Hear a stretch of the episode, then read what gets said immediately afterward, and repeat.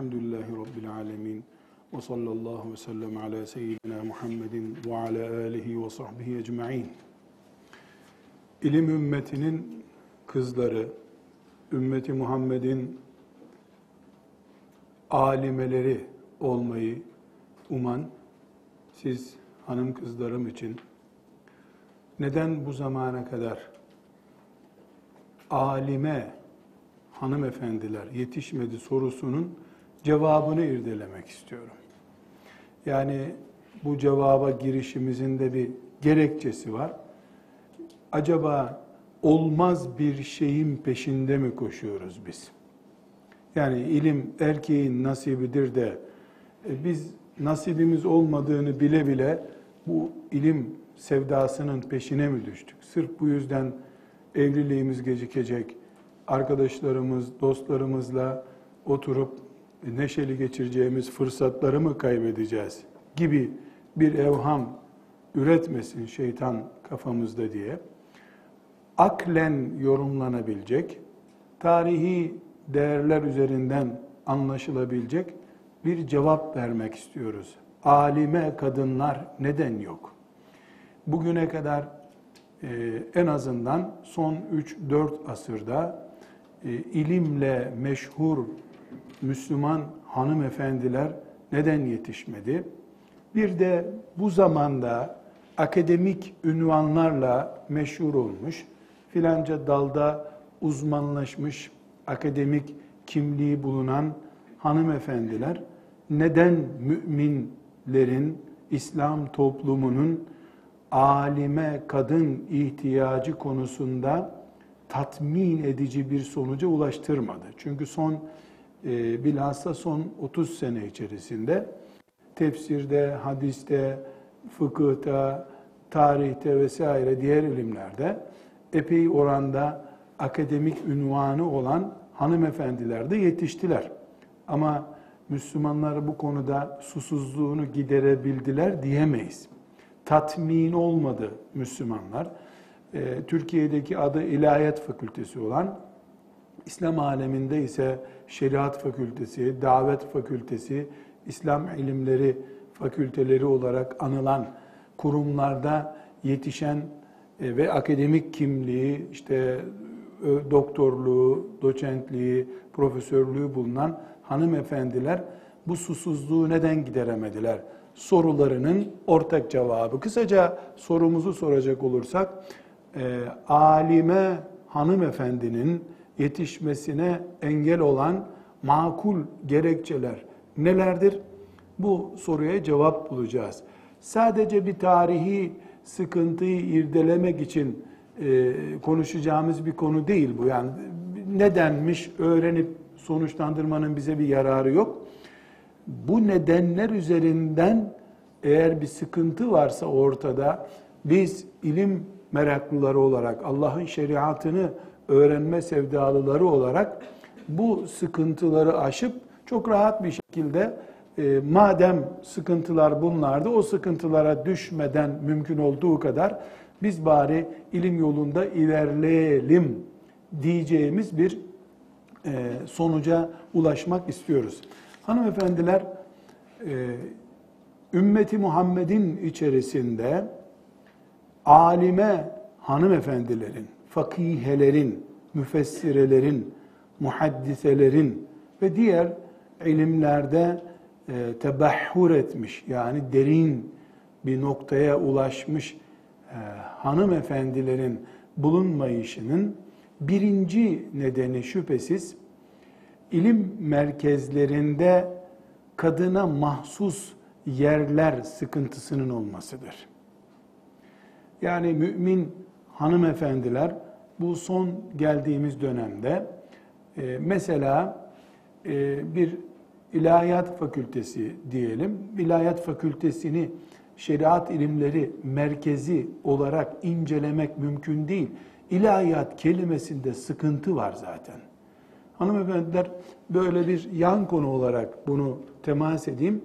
İlahiyat, İslam ilimleri, Kur'an, tefsir, hadis ilimlerinin adı değildir.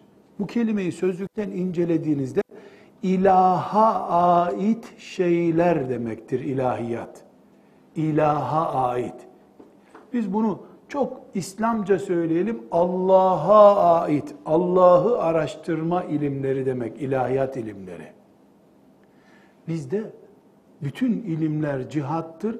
Allah'ın zatını araştırmak suçtur. Her şeyi düşünürsün, Allah'ın zatı hakkında düşünüp tasavvurda bulunmak suçtur bizde. İlahiyat kelimesinde sıkıntı var bir defa zaten. Çünkü bu müminlerin icat ettiği, Müslümanların, alimlerin, İbni Hacerlerin, Suyutilerin, İbnül Cevzilerin, İbnül Kayyimlerin icat ettiği bir ilim dalı değil. Bizde şeriat medresesi olur. E, Ulum-u İslamiye diye bir isim olabilir. Ama ilahiyat diye bir isim koyduğunda sıkıntı başlıyor zaten. İlahiyat fakültesine gidilir mi derken ilahiyat araştırılması suç olan bir ilimdir. Haşa Allah'ın eli, kolu, gözü diye bir şey mi araştıracaksın? İlahiyat o demek. İlaha ait bilgiler demek. Bizde kelam ilminin konularına bakıldığında bunlar suç konuşulması caiz olmayan şeyler zaten. Bu konulara girenler cehmiyesinden vesairesine kadar reddedilmiş mezheplerin sahipleri olmuşlardır hep. Binaenaleyh şimdi ilahiyat fakültesinde hani bunu bir dipnot olarak zikrettim. Konumuz ilahiyat fakültesi değil. Yani bir sınıfta 20 tane erkek, 20 tane hanım olacak ve e, bunlar e, senelerce bir arada oturacaklar. Hiçbir mahremiyet sınırı yok. E, yani mesele sadece başörtü meselesi değil. Sadece hanımlara okuma özgürlüğü sağlamak. Başörtülü olunca ne olacak? Asırlardan beri hanım müminlerin ilim yolunda kendilerine mahsus bir yerde ilim öğrenmeleri sıkıntısı vardır. Tahsis edilmiş bir bayanlar medresesi oluşturulması çok zor. Burada bana ait, yani bana ait derken e, Suyuti'den nakletmiyorum yani kendi şahsi kanaatimi aktarıyorum demek.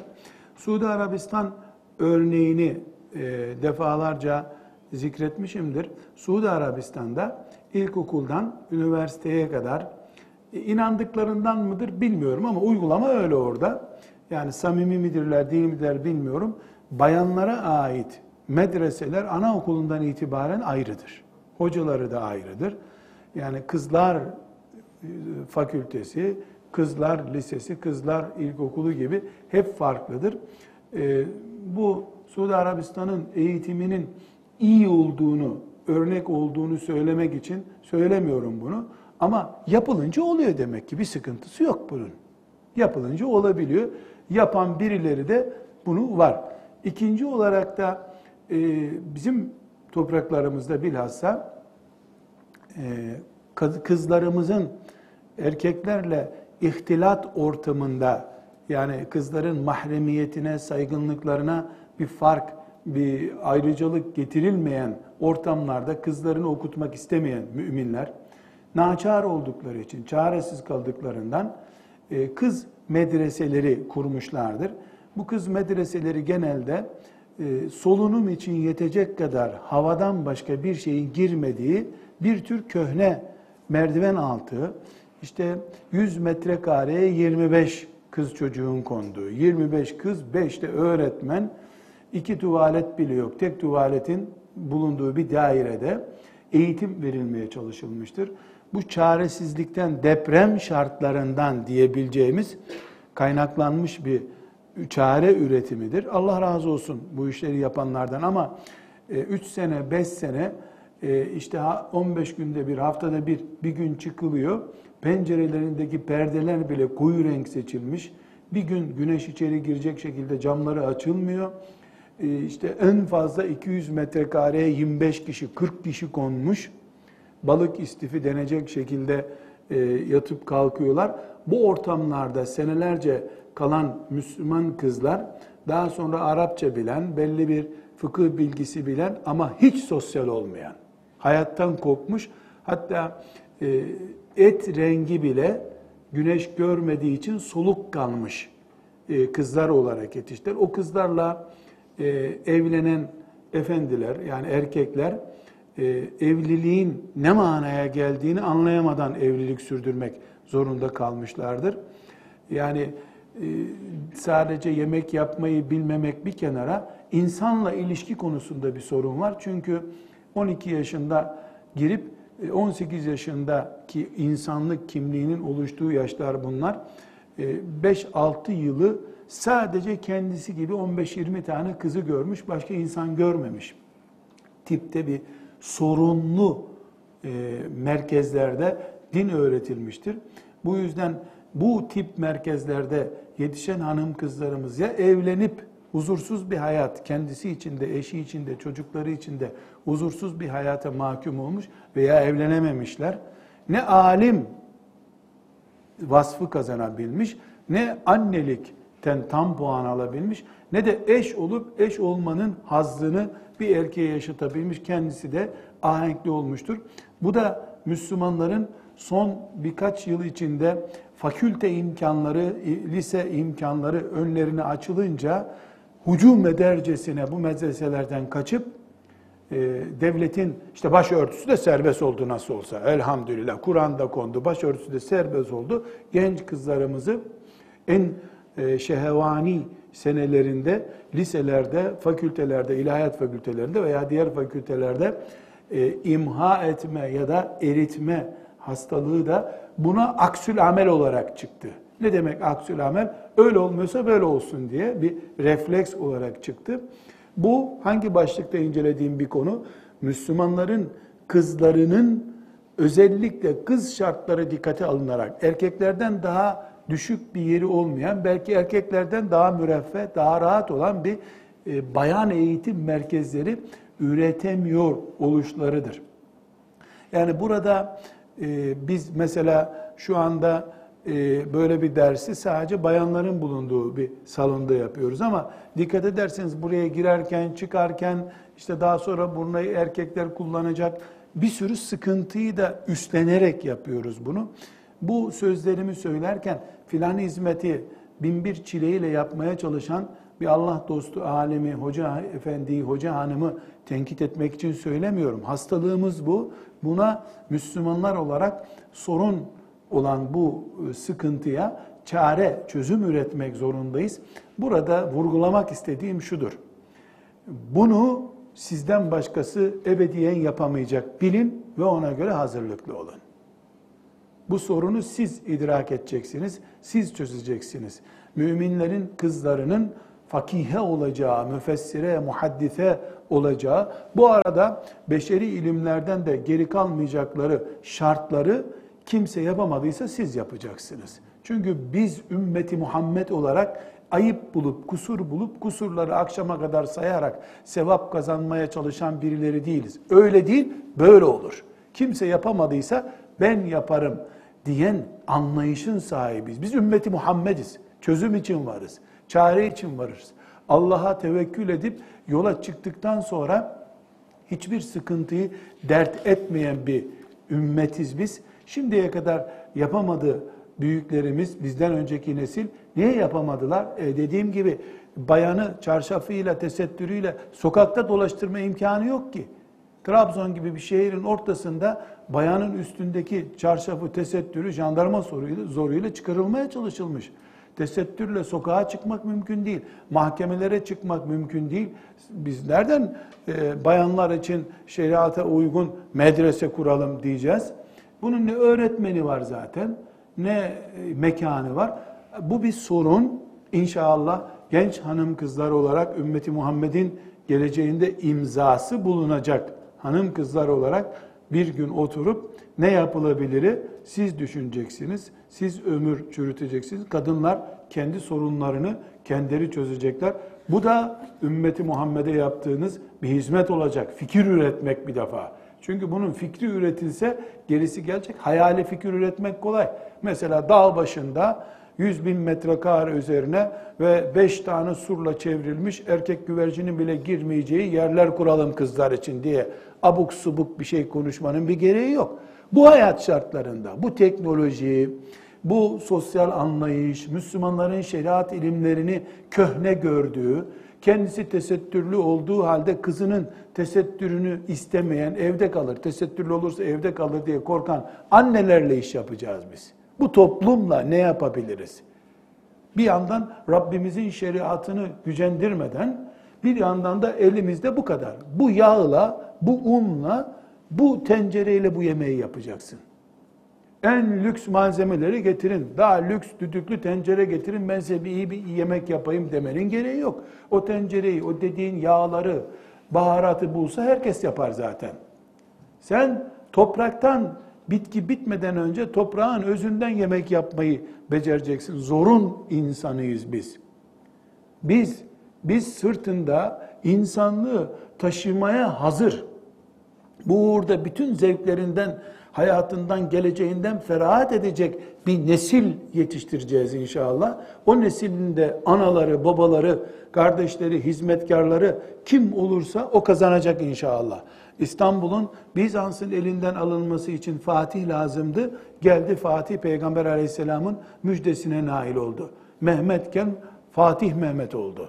Kazandı gitti. Şimdi İstanbul'u yeniden fethetmeye gerek yok. Surumuru yok İstanbul'un zaten. İstanbul'un sokaklarında biçare olmuş Bizans kafasıyla yaşayan genç kızları kurtaracak hanımefendiler, alimeler, Allah'a davet edenler, kadınların, kızların dertlerini anlayacak fakiheler lazım. Demek ki neden alime hanımefendi yetişmiyor sorusunun birincisi kadınlara mahsus mekan sıkıntısı yaşıyor olmamızdır.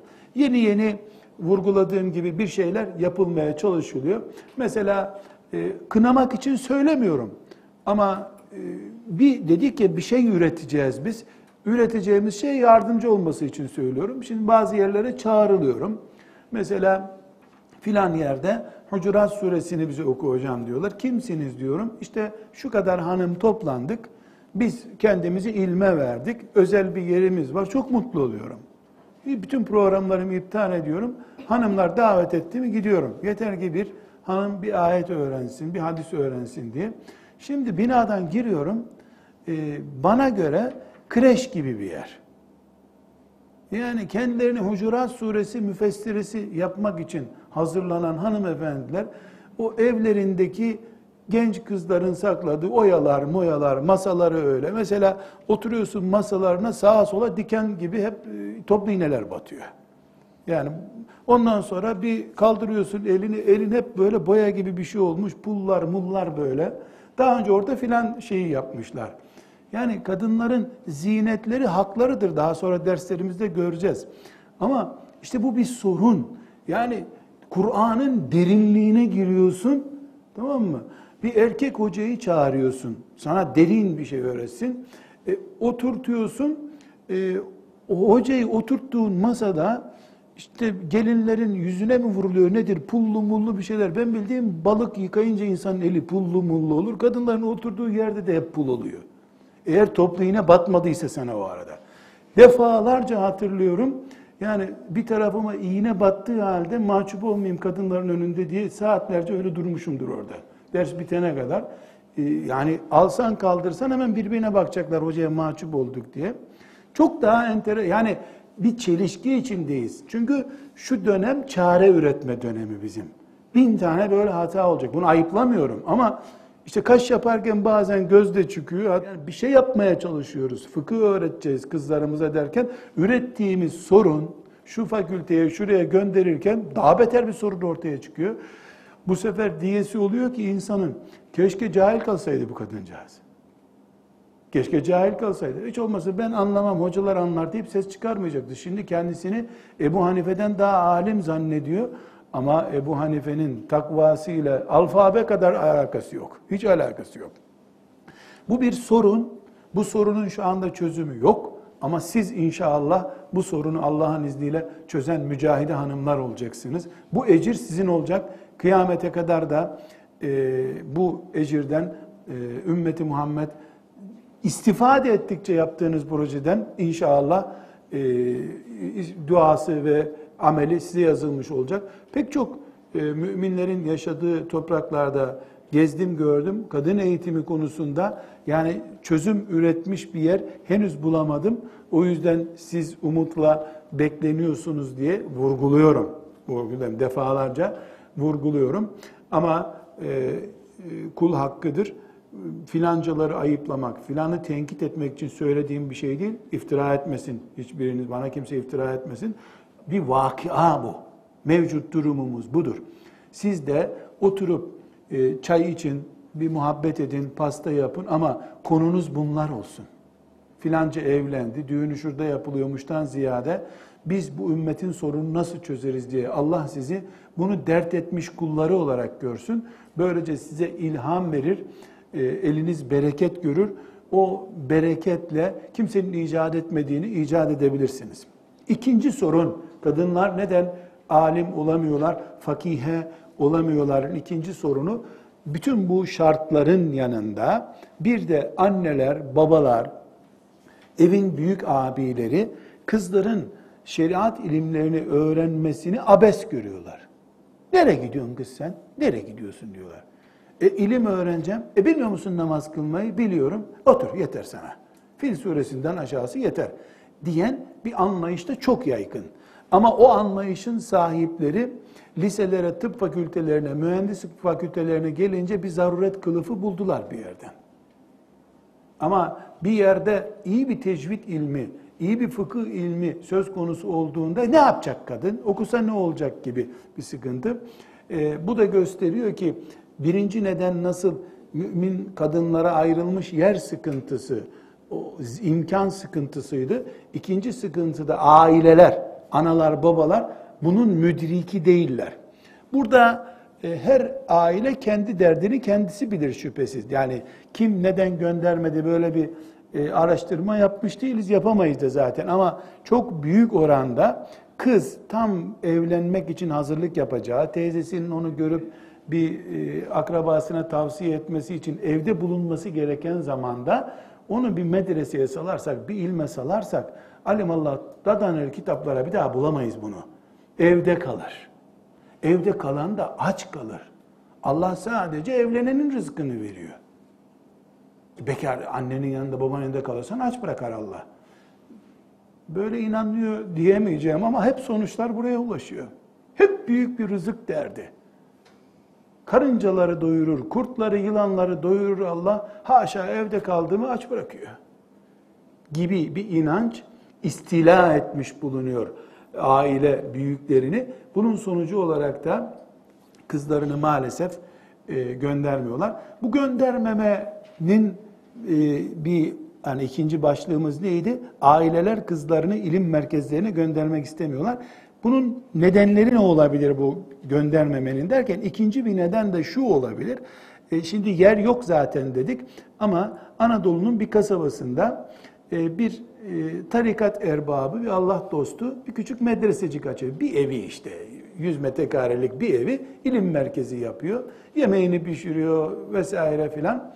E, bir gayret ediyorlar. Şimdi bu gayrette maalesef Müslümanlar Allah'ın kitabını orada öğrensin de hangi mezhep olursa olsun, hangi tarikat olursa olsun diyemiyorlar. Yahu filancalar orada bir yer açmışlar ama hangi tarikattanlar? Hangi cemaattenler? Allah'tanlar diyemiyor kimse. Filan cemaatten diyor. Bunda tabi o cemaat, tarikat neyse onlar da İslam'ı kendilerinden daha değerli gösteremiyor da onlar İslam'dan daha değerli görünüyorsa onlar da sebep tabi buna. Yani ben hafızım, hadis biliyorum, Ebu Hanife'nin fıkhını biliyorum, misal yani. Biliyorum, infak ediyorum, her şey var. Ne arıyorsan var. Ebu Hanife'nin tipik bir örneğiyim ama onların gözünde, onların cemaatinden, onların tarikatından olmadığım için Allah kurtarsın, Allah hidayet nasip etsin diye bakıyorlarsa e, insanlar da haklı olarak ya bu İslam değil ki, kendini İslam'dan değerli görüyor gibi. Yani şeytan e, birine kaç öbürüne tut diyor. Böyle bir taktikle onları it insanları kendinden diyor. Buna da ona gitme diyor. Derken neticede insanlar bir tür bu İslam'ı klikleşmiş şekliyle gösteren ve görmek isteyen anlayıştan dolayı ya kızım oraya gönderirsem şimdi girecek filan tarikata, girecek filan cemaate evimizin huzuru kaçacak ya diyorlar. Bir kısmı kılık kıyafeti sorun yapıyor. Yani oraya giderse şimdi kalın kalın şeyler giyecek gibi. Bunlar hiçbiri Allah katında mazeret değil. Hiçbiri mazeret değil. Ama e, annelerin, babaların neler e, düşündüğünü, bazen de abiler etkin oluyorsa bir evde neler düşündüğünü tahlil ediyoruz. Zaten biz şu anda çare üretmiyoruz. Çareyi inşallah Allah'ın lütfu ve keremiyle sizin zihinlerinize ilham edilecek sonuçlardan çare üreyecek inşallah. Şimdi sadece derdimizi tespit ediyoruz. Ümmetimizin böyle dertleri var. Siz de ümmetin umudu olarak inşallah geliyorsunuz. Üçüncü sorun bayan talebe de olsa, eş de olsa, ne olursa olsun ev yükü bayanın omuzunda. Dolayısıyla tam iki satır okuyacakken bir koku geliyor mutfakta fasulyesi yanmaya başlamış. Üç saat önce koymuş unutmuş onu. Tamam kitabın artık bu paragrafı bitireyim de öyle değil. Fırına koyduğu tepsi yanmış. E bu daha notların bitmedi. Not bittikten sonra bakarım diyemezsin. Ev yanacak bu arada çünkü. E bir kalktın mı da bir daha ısınıp aynı noktaya gelmek bir yarım saat daha istiyor. Erkek yani ev yanmadıkça yerinden kalkması da kalkmayabilir. Ezan okunursa camiye gidecektir. Erkeğinki daha rahat bu açıdan. Ama elde edince de kadın bütün bu zorluklara rağmen elde edince sevabı da büyük kadının. Daha meşakkatle elde ediyor çünkü. E bu arada erkek e, mesela en basit örneğinden e, bilhassa evli olan kızlarım bunu daha iyi e, takdir edeceklerdir. Evli olan erkekler de daha iyi takdir edeceklerdir. Şimdi hadi filanca yere gidelim dendiğinde erkek ceketini alır. Yazsa ceketini de almaz zaten ayakkabısında merdivenlerde giyer iner. Saate bakar Allah Allah kadın gelmedi hala o, bu kadınlar bu kadar. Ya kadın ceketini alıp inmiyor. Bir, çocuğunun çişi var mı yok mu ona bakacak. Çünkü yolda çiş sorunu çıkacak. Sen çocuğun çişini yaptırmadan çıktın ama. İki, üstüne başına çeki düzen verecek. En basit giydiği şey aynanın karşısında 10 dakika giyilmesi gereken bir şey. Biraz gereksiz 7-8 tane de top iğneyle zımbalayacak kendini. O kolay değil tabi. Bütün bunlar kadının evden inip arabaya binmesi için erkeğe ilaveten en az bir 10 dakika bazen 1 saat 10 dakika gerektiriyor. Erkek sinir oldum. Yahu bir günde kılık değiştirelim. Sen çocuğun çişini yaptır. Ondan sonra bak çarşafın üstünden başında e, feracen uygun mu? Bak bakalım kim daha önce çıkıyor e, diye erkeğin bunu takdir etmesi lazım. Bu örnek kadınlar niye geçiniyorlar diye bir başlığın örneği değil. Yani kadının hayatı bu. Bu meşakkatler içinde kadının alim olma ihtimali biraz düşüyor. Ne dedik? Yüzde ellisi bu ümmetin kadın ama alimlerin de yüzde ellisinin kadın olması gerekmiyor. Bu zorluklardan dolayı yüzde kırka razıyız. Yüzde onda bundan dolayı fire vermeye razıyız. Bir başka dördüncü sebep, ileride inşallah çözeceğimiz sorunları konuşuyoruz. Kadınlar arasında ziyaretleşmelerin ilme engel ziyaretler oluşudur. Şimdi elhamdülillah ben alemim diyemem Allah'tan haya ederim ama çok alim gördüm. Çok. Yani hocalarımı burada anlatmaya kalksam saatler lazım bana. Şöyle önünde bir saat oturduklarımı zaten saymıyorum ama aylarca dersine gidip geldiğim hocalarım, evlerine gittim. Çoğu beni severdi. Oturdum, kalktım. Alimler toplantısına çok katıldım. Şimdi e, üç tane alim e, erkek bir araya geldiğinde Bismillahirrahmanirrahim. Selamun aleyküm. Aleyküm selam. Nasılsın? İyiyim ya. Bir zaman birisi aleyküm selamda şöyle demiş de nahiv hatası yapmış filan derken bir meclistalar oradan her mezhebe göre bir hükümler çıkar filan. Yani bıkarsın bir çay içmeye gittin not defteri dolar orada konuşulanlarla. Fakat kadınlar ben kadın hocalara da soruyorum bunu. Bir araya geldiklerinde böyle meselelere girmeye zor vakit buluyorlar.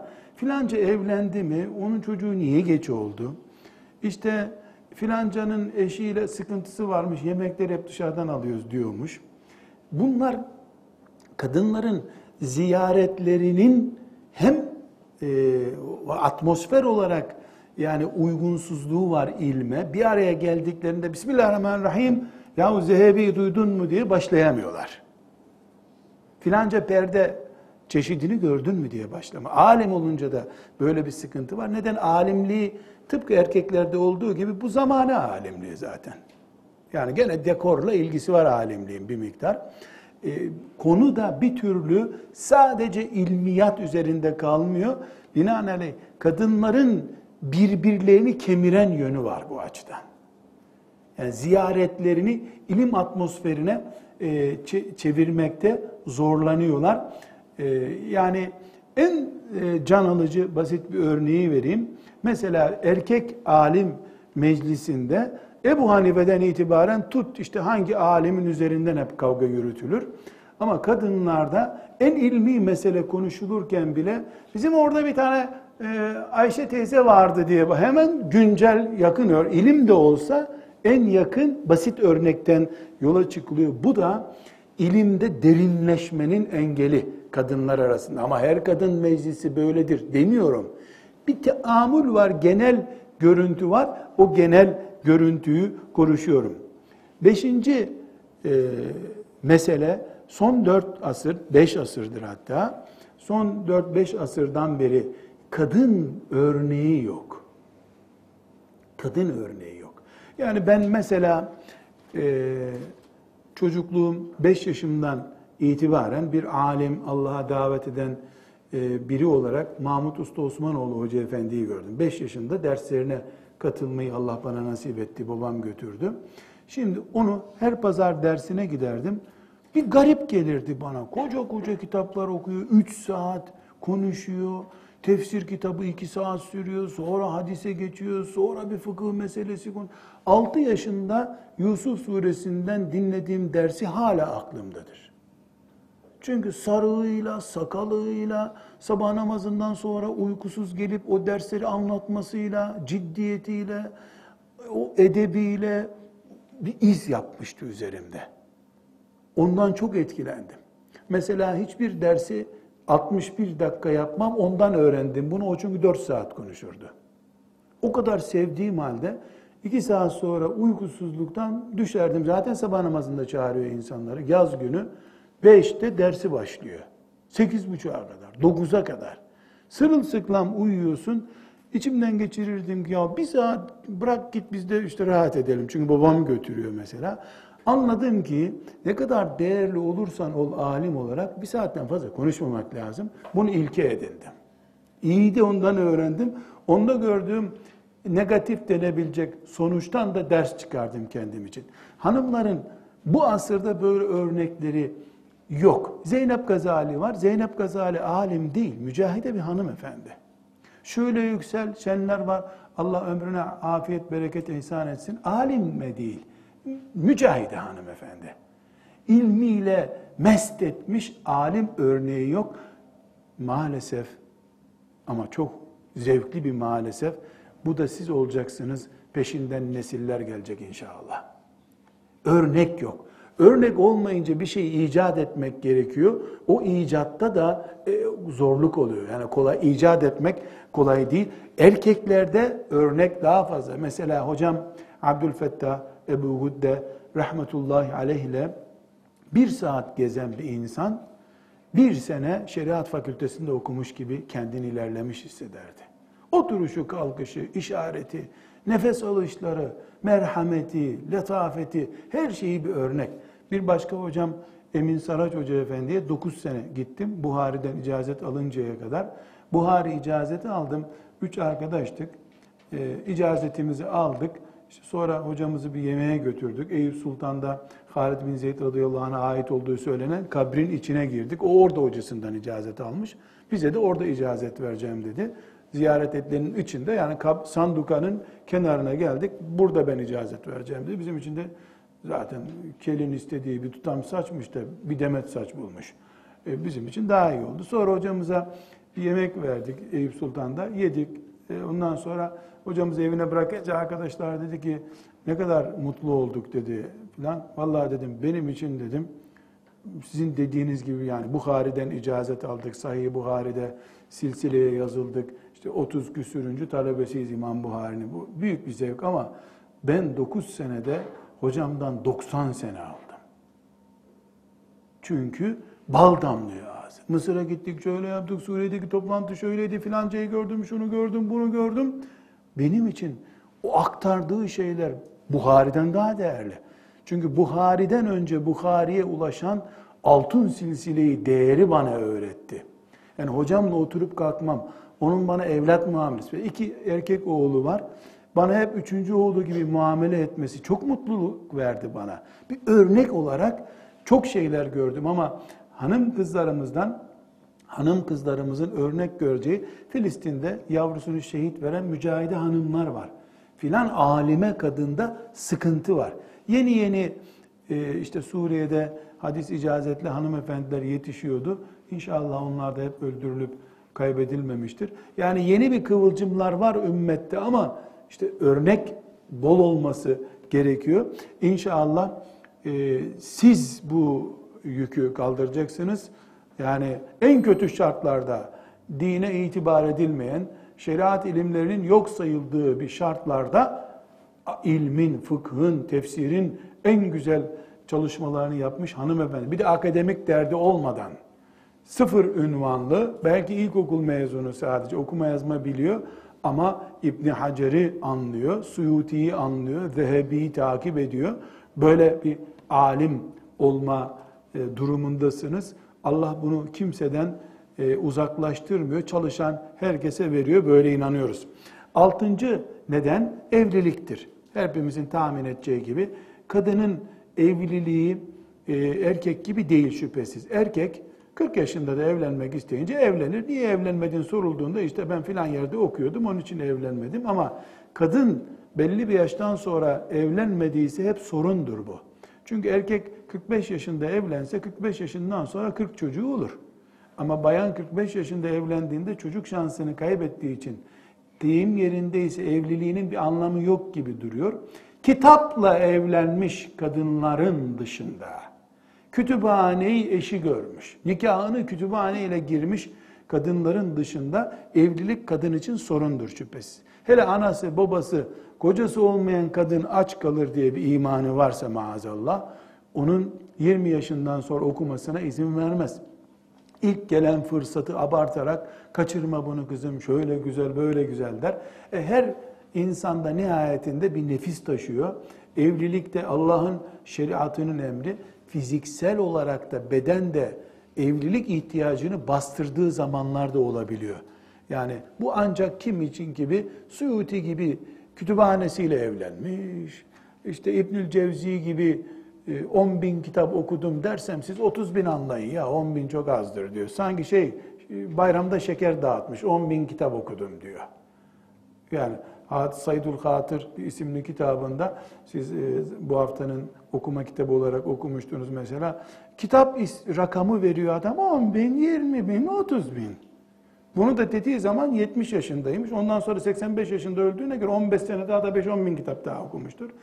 İsim veriyor alimler. Şam'da filan kütüphaneye gittim. 5-10 bin kitap varmış. Birkaç ayda taradım onları diyor. Şey sanki dosya karıştırıyor böyle sayfa çevirir gibi. Bir okudum dediği kitap 10 cilt, 15 cilt bakıyorsun. Onlardan yüzlerce, binlerce okumuş. Yani bu tipler hariç insan şehveti bastırınca evlenmek ister. Erkek de ister ama erkek çıkıp bir piknik yaptı mı 6 ay unutur evliliğini. Yahut da güreşti mi güreşince enerjisini atar. Bayan için bu biraz daha zor. Tabii bir zorluk bu ama. Bu ziyaretleşmelerdeki tabii bir engel değildi. Bu evlilik tabii bir engel. Ne oluyor bu sefer? Yüz genç kız e, Suyuti olmak için yola çıkıyor. İbni Hacer olmak için yola çıkıyor. Ebu Yusuf olmak için ya Allah deyip Bismillah deyip yola çıkıyor. Malik bin Enes olacağım ben diyor. Bunların kırkı en azından evlilik için dökülüyor. 20-30'u da babası ölüyor, annesine bakması gerekiyor, annesi hastalanıyor. E bu sefer çok azı aşağıda kalıyor.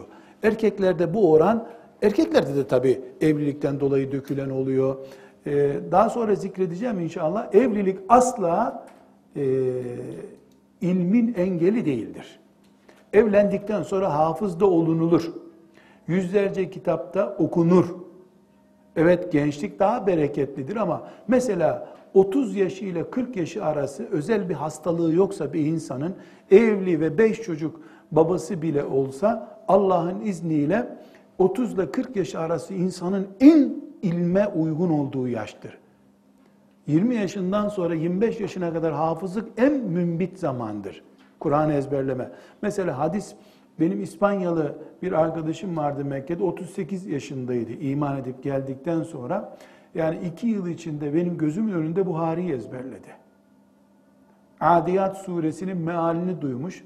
Jokeymiş yani at yarışçısıymış. Ondan etkilenmiş. Allah kalbine ilham verdi. iman etti. Geldi Mekke'de beraber kaldık.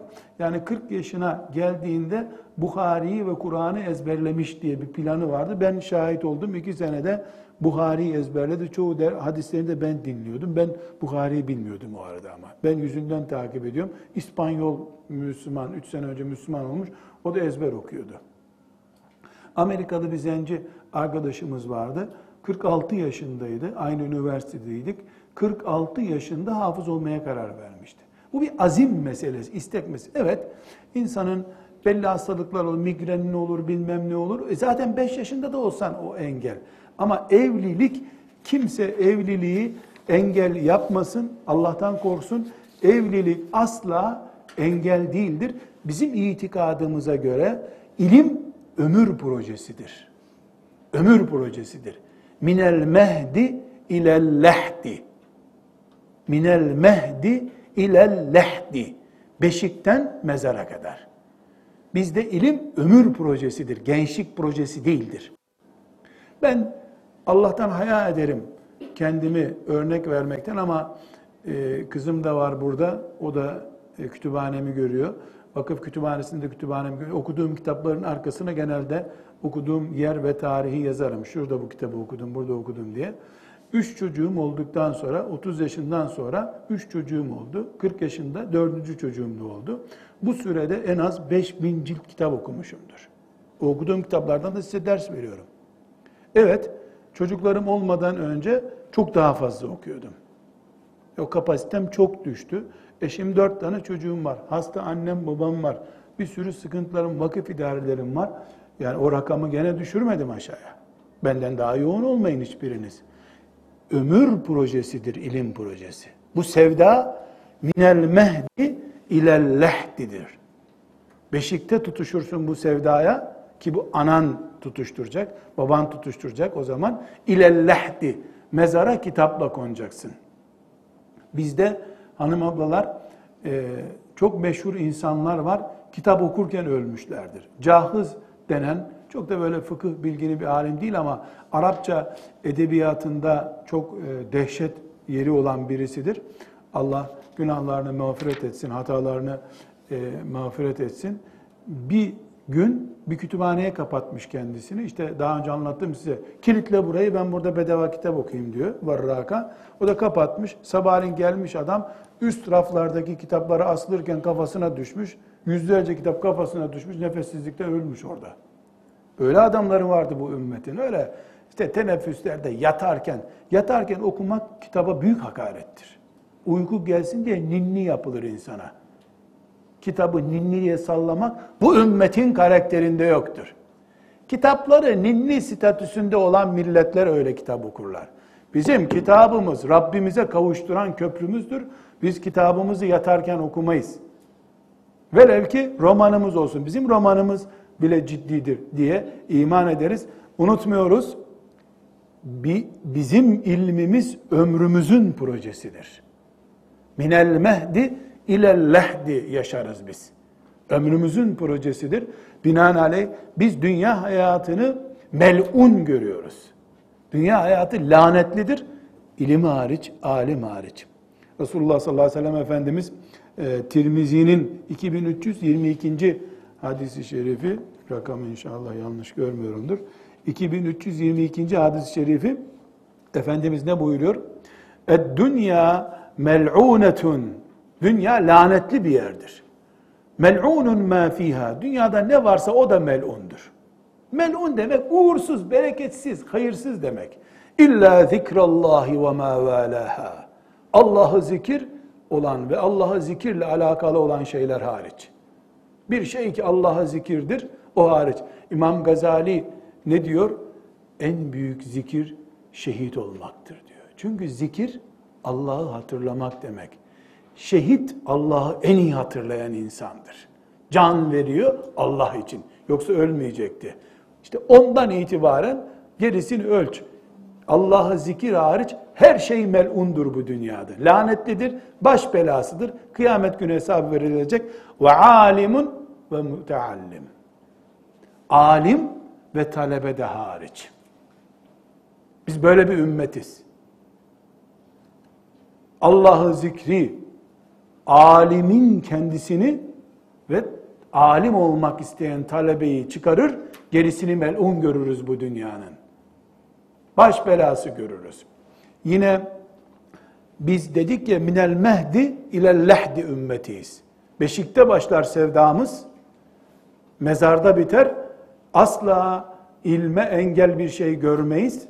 Evlilik de dahil e, İbn Sirin'in kızını gördük. Atır sana babamın ilimlerini öğretirim diyen kız çocuğu yetişmiştir bu ümmette. İlk defa ve son defa da değil. Siz de peşinden İbn Sirin'in kızının peşinden geliyorsunuz inşallah. Yine Tirmizi'de 2686. hadisi şerif hepimize bu konuda ışık tutuyor.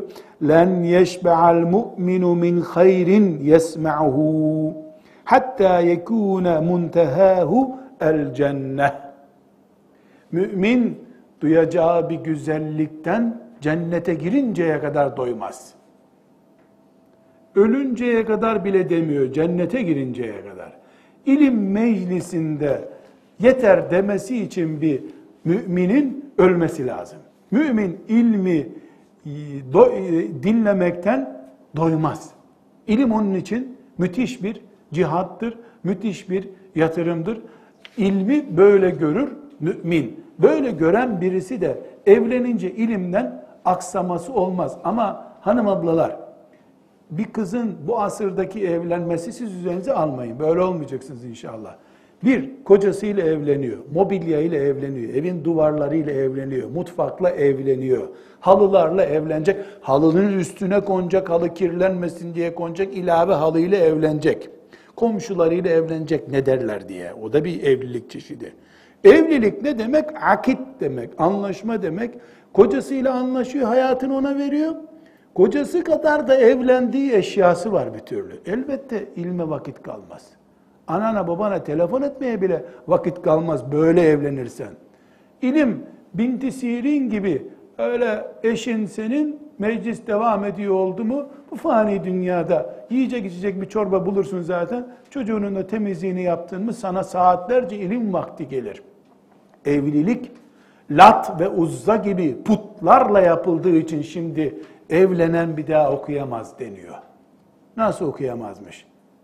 Bunca alimler 15 yaşında çocuk sahibi olduktan sonra alim oldular hep. İbn Hacer'i görmedik mi? Kendisi gibi kız yetiştirdi bu dünyada. Eşini de kendisi gibi yaptı. Bukhari'den icazet alan talebeleri gibi hanımlı, hanımı oldu, kızları oldu. Tek örnek de değil bunlar. Ama evlenirken koca binalarla evlenirsen, temizlik firmalarının deterjanlarıyla da nikahlanırsan e, evliliğe vakit kalmaz. Yıkanmış yeri bir daha deterjanlayacaksın, ondan sonra durulayacaksın, ondan sonra kurulayacaksın, ondan sonra üfleyeceksin. Ömür mü yeter buna? Evliliğin anlamı değiştiği için evlilikle ilim bir arada durmuyor. Doğal bir evlilik, sade bir evlilik, doğal bir ailede ilim bereket kaynağıdır. Ne demişti Vaki talebesi Şafii'ye? El ilmu nurullah. İlim Allah'ın nurudur. E Allah'ın nuru bir eve girer de o evde bereket olmaz mı? O evde huzur olmaz mı? Eşler birbirlerini yetiştirebilirler. Biri bir derse, biri bir derse gidebilir. Ama gece yarılarına kadar film seyreden bir ailede olmaz tabii bunlar. Öyle bir aileden gelen çocuk da zaten niye alim olsun ki? Kimi görecek de onu taklit edecek? Evet, demek ki e, evlilik engel olabiliyor kadınların eğitimine veyahut da alim olmalarına dedik. Fil hakika böyle değil ama bunu şiddetle reddediyoruz. Bu evlilik e, konusunu bir fıkıh meselesi olarak da ele aldığımız dersler olacak tabi. Bayan fıkhını çünkü konuşuyoruz. O zaman yeniden buna inşallah e, değineceğiz. Şimdi e, bir yedinci meselede alim kadın neden yetişmiyor sorusuna vereceğimiz yedinci cevap kadınların ve özellikle erkeklerin ilmi, alim olmayı, muhaddise olmayı, fakih olmayı, müfessir olmayı erkek branşı zannetmeleridir. Ayşe anamızı nereye koyarlar bilmiyorum. Ümmü Seleme anamızı nereye koyarlar bilmiyorum. Böyle bir şey ciddi bir cahilliktir. Asla doğru değildir. İlim erkek branşı değildir. İlim ibadetlerle yarışan, yarışan bir ibadettir. İlim ibadettir hanımefendiler. Namaz erkek ibadeti midir? Oruç erkek ibadeti midir? Hac erkek ibadeti midir? Niye bunlar erkek ibadeti olmuyor da ilim erkek ibadeti oluyor? Biz dört rekat nafile namaz mı kılayım, kitap mı okuyayım sorusuna bile nafile namazı bırak kitap oku eğer kitaptan daha iyi anlıyorsan diyen bir ümmetiz. Burada Zehebi'mden bir nakil yapmak istiyorum. Çünkü bir konuyu Zehebi'den okumadığımı ben kalbim rahat etmiyor. Zehebi hanımefendiler hicretin 748. yılında vefat etmiş. Biz 1430'lu yılları yaşadığımıza göre demek ki aşağı yukarı 7 asır öncesinin alemi kendinden önceki bütün ilim deryalarını toparlamış, özetlemiş. E, Siyer-i Alam'ın Nübela'nın e, 7. cildinden naklediyorum. E, alim olmaya niyetiniz varsa, ilim bana zevk versin. Şöyle uyumak yerine ilim okuyayım sabaha kadar diyecekseniz, Zehebi'nin Siyer-i Alam'ın Nübelasına sahip olacaksınız. Ama önce Arapçasına sahip olacaksınız. Güzel bir Arapçasına ki ağır bir Arapçası yoktur. Her alemin Arapçası kolay anlaşılmaz. Zehebi Türkçe gibi konuşur. Yani Türkçe konuştuğunu zannedersiniz. Şöyle avamil ve maksud bir de bina okumuş birisi Zehebi anlar. O kadar basit. Çünkü Zehebi edebiyat yapmaz. Bildiğini söyler.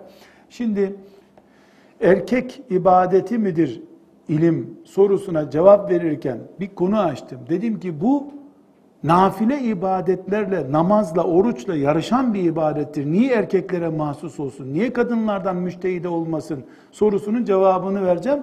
Bu arada ibadet oluşunu vurgulamak istiyorum. 7. ciltte 167. sayfada diyor ki, ilim mi üstündür, nafile namaz kılmak, Kur'an okumak, zikir yapmak mı üstündür? Eskiden beri böyle bir şey tartışılır diyor.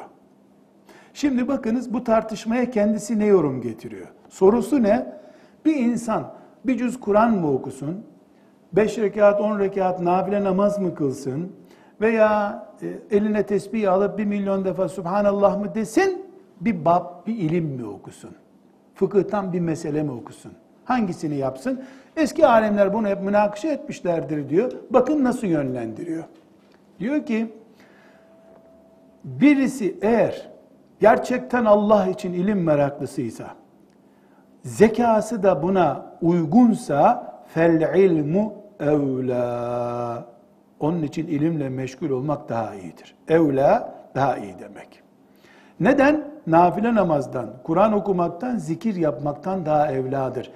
Allah için gerçekten okumak istiyorsa ve zekası da uygunsa. Boşu boşuna okumamak şartıyla. Ama bu arada namaz gibi diğer ibadetleri ihmal etmesini tavsiye etmeyiz diyor. Elbette farz namazları bırak kitap oku öyle şey olur mu? O değil zaten. Peki eğer bir insan çok iyi e, ilimde çok ilerliyor lakin ibadete gelince ibadeti ihmal ediyorsa فَهَذَا كَسْلَانٌ mehin bu düşük bir tembeldir, seviyesiz bir tembeldir bu diyor. Yani ilimle meşgul olsun dedik ama sabah namazının sünnetini de kılma demedik. Sen birileri evvabin namazı kılarken aç kitabından dersini oku. Ona evet. Sen perşembe orucu tutma. Pazartesi orucu tutma, öğleden sonra dersine iyi çalışamazsın diye. Ama Ramazan orucunu da ihmal etme demedik. Ona alçak bir tembel, mehin alçak demek aslında da öyle tercüme etmek istemedim onu. Ve leyse huve bi sadikin fi husni niyetihi. Onun niyetinde doğru olduğuna da inanamayız biz. Yalan konuşuyor. Allah için ilim öğreniyor, Allah için secde etmiyor ama. Bu sahtekarlık tabii.